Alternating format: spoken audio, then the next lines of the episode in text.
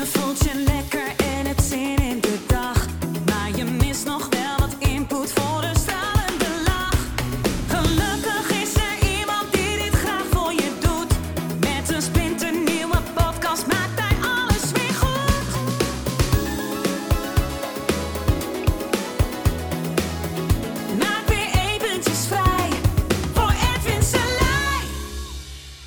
Hallo ladies and gentlemen, Eh, welkom bij de Kom uit Hypnose podcast van Edwin Selij, daar ben ik, eh, ondergetekende.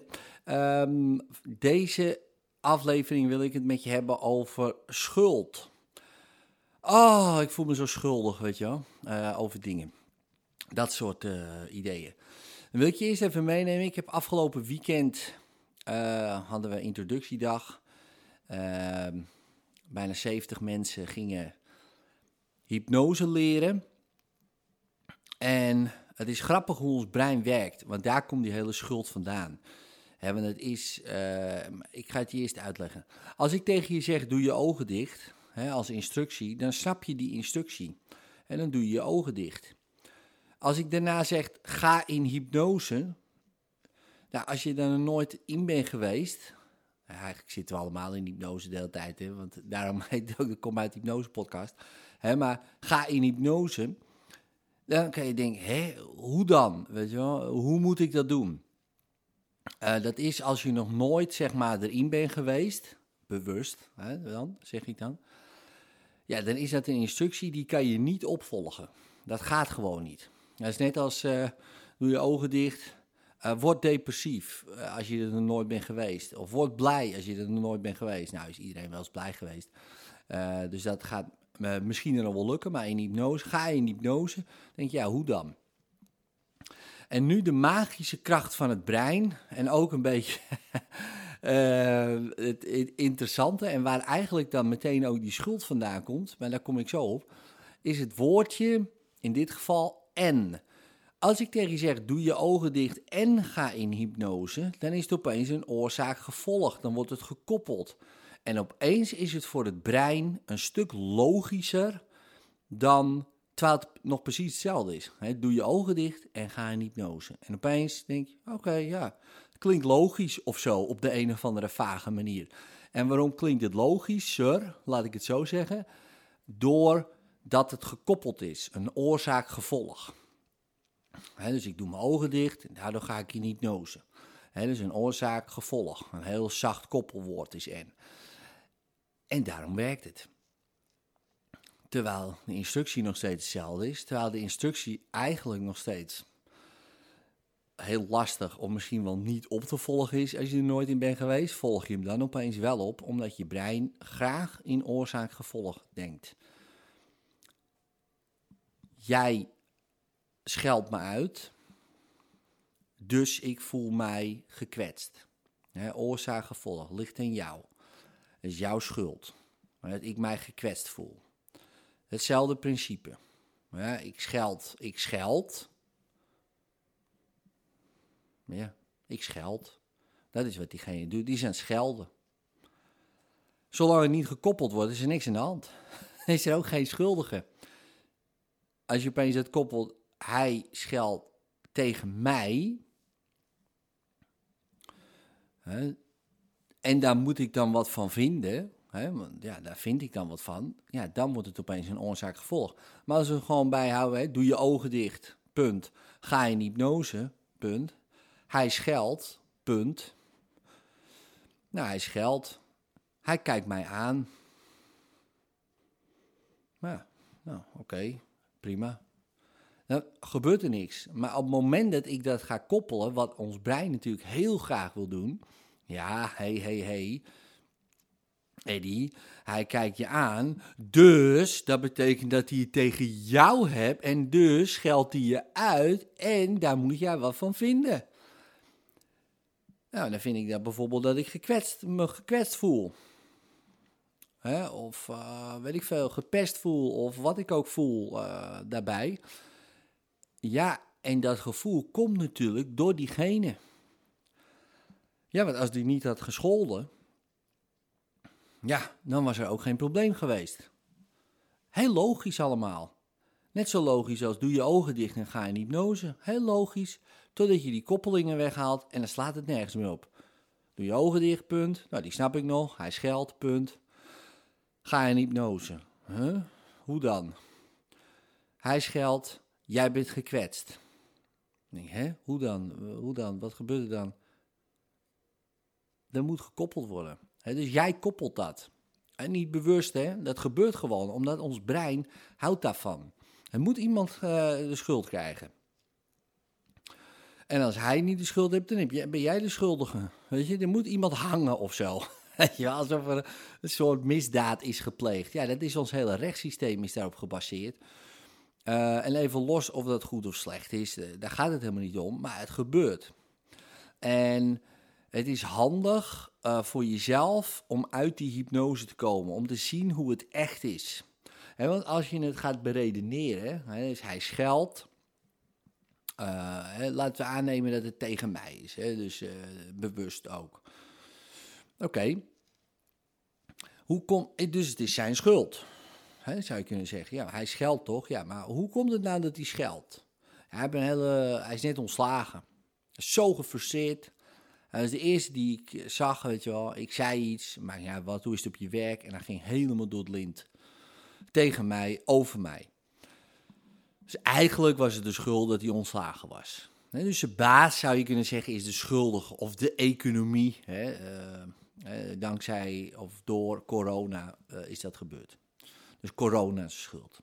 Nou, opeens is het weer iemand anders schuld. En er moet iemand hangen. Al is het een virus wat we niet zien, hangen gewoon. Uh, maar ik ja, als, als diegene, hè, ik weet niet waar het precies vandaan komt, maar laat ik even aannemen. Uh, even het verhaal in meegaan van er is een Chinees in die at een vleermuis en, en daardoor gebeurt het.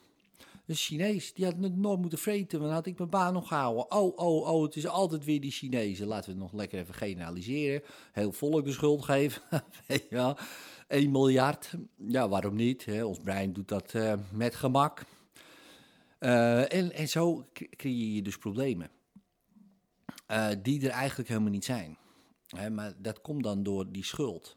En het vervelende is wat er vaak gebeurt, hè, is als het iemand anders schuld niet is, ja, dan is het jouw schuld. En er horen ook deze zinnetjes bij. Ja, ik kan er niks aan doen. Daar kan ik niks aan doen. En aan de ene kant zou je kunnen zeggen, dat kan best kloppen. Ja, ik ben gevallen, hè, bijvoorbeeld, en ik heb mijn arm geschaafd. Ja, daar kan ik niks aan doen. Ja, ik had misschien beter op kunnen letten. Hè? Maar stel voor, ik kan er niks aan doen. Ik viel gewoon. Ja, dat gebeurt. Maar de andere kant van die zin, ik kan er niks aan doen, uh, impliceert dat je er ook verder niks meer aan kan doen. En dat hoor je uh, wel eens. Ja, mevrouw of meneer, ja, u kunt hier helemaal niks aan doen. Uh, dat het zo gekomen is. Ja, dat kan. Dus, ja, er gebeuren dingen. Uh, ja, dat is gewoon ook soms gewoon pech zouden we kunnen labelen, toch? Ja, zo simpel is het ook weer. Maar daarna, die dubbelzinnigheid van die zin, ja, dus, dus stop er maar mee, je kan er toch niks aan doen, die zit er ook bij. En dat is weer niet waar. Je kan er misschien niks aan doen dat zo gebeurd is, maar je kan er nu wel wat aan doen. Ik kan bijvoorbeeld die arm uh, uh, gaan verzorgen, zodat die schaafwond niet gaat infecteren. Ik bedoel maar wat. Als ik een ziekte krijg waar ik, nou, misschien had ik er wat aan kunnen doen. Nou, misschien, maar dat is verleden tijd. Ja, dus daar heb je ook niks aan. Het gaat altijd om nu. Ja, dus, oké, nu is het zo. Nou, oké, dan ga ik nu wat anders doen. De beste tijd om een boom te planten was 20 jaar geleden. Ja, oké, had je misschien kunnen voorkomen die ziekte? Nou, misschien wel. Maar ja, dat is dus niet zo. Want anders gaan we weer. Ja, jij had dit moeten doen, dat. En dan komt er weer die schuld. Ja, zo, dus is weer mijn schuld. Nee, nee, nee, nee, nee. Het is niemands schuld. En dat is zo moeilijk voor ons brein, hè? Als je erover nadenkt. Want er moet toch iemand schuldig geweest En als je er nu over nadenkt, denk je, ja, ja, ja, zit wel wat in. Weet je wel, als je echt doordenkt, hè? Als je echt doordenkt. Ja, iemand slaat jou, dat is natuurlijk hè, oorzaak-gevolg. Hij heeft je geslagen, zijn schuld. Maar als je het verhaal kent van die persoon, denk je, ja, snap wel dat hij slaat. Sch- Niet goed praterij, gaat er niet om. Maar eigenlijk is het de schuld van zijn vader en zijn opvoeding. Ook geen excuus, hè? Maar, ja, dus, maar als we dan toch een schuldige, ja, wie is dan e- de echte schuldige? Ja, als je daarop doordenkt, wat is dan de oorzaak, de oorzakelijkheid? Ja, dan kom je al bijna op de oerknal uit. Ja, we mogen afvragen of die überhaupt wel ooit is gebeurd. Hè, mensen vragen zich dat af. En niet mensen, maar, nou ja, mensen sowieso, maar theoretische eh, natuurkundigen vragen zich dat af. Ja, dus mensen die er ook voor gestudeerd hebben en daarmee bezig zijn, vragen zich dat af. Dus, nou, dus ja, maar in principe stel je voor dat dit gebeurd is, hè, wat we kunnen aannemen misschien, dan zou dat de, de, de uberschuldige zijn. Maar wie heeft dat dan weer gedaan? Weet? Want zo blijf je redeneren. En voor je brein die denkt, ja, hallo, eh, doe even normaal man. Nee, want die wil graag een schuldige aanwijzen. Die wil graag oorzaak-gevolg. Weet je wel, die houdt daar niet van. Want dat betekent, als er niemand aan te wijzen valt, ja, dan wordt het ook stil in je hoofd. Ja, en dan opeens is er geen schuld, maar onschuld. Opeens denk je, ja, we kunnen er allemaal eigenlijk niks aan doen dat het zo gebeurt. We kunnen er wel iets aan doen, hè? preventieve dingen doen. Maar dat iedereen onschuldig is. Nou, dat is natuurlijk, dat, dat kan natuurlijk niet. Hè? Het is, komt meteen zo'n stem. Hallo, iedereen onschuldig. Nou, ik kan best wel met je meegaan dat, dat een paar mensen onschuldig zijn. Dat snap ik wel, maar dat, dat kan niet. Er moet een schuldige zijn. En als je er echt goed op doordenkt, is dat alleen maar eh, een mindfuck van je brein. Ja, want als je echt goed op doordenkt, dan is, zijn er alleen maar onschuldigen. Dan is er alleen maar onschuld. En de enige die dat zo ervaart dat de schuldigen zijn, dat ben jij dan. Ja, ik ook, hè. Ik zit er ook middenin. Daar gaat het niet om. Maar om uit die hypnose te komen is echt heel... Het lijkt makkelijk. Nou, het lijkt misschien helemaal niet makkelijk. dat weet ik eigenlijk niet. Maar het is echt heel lastig.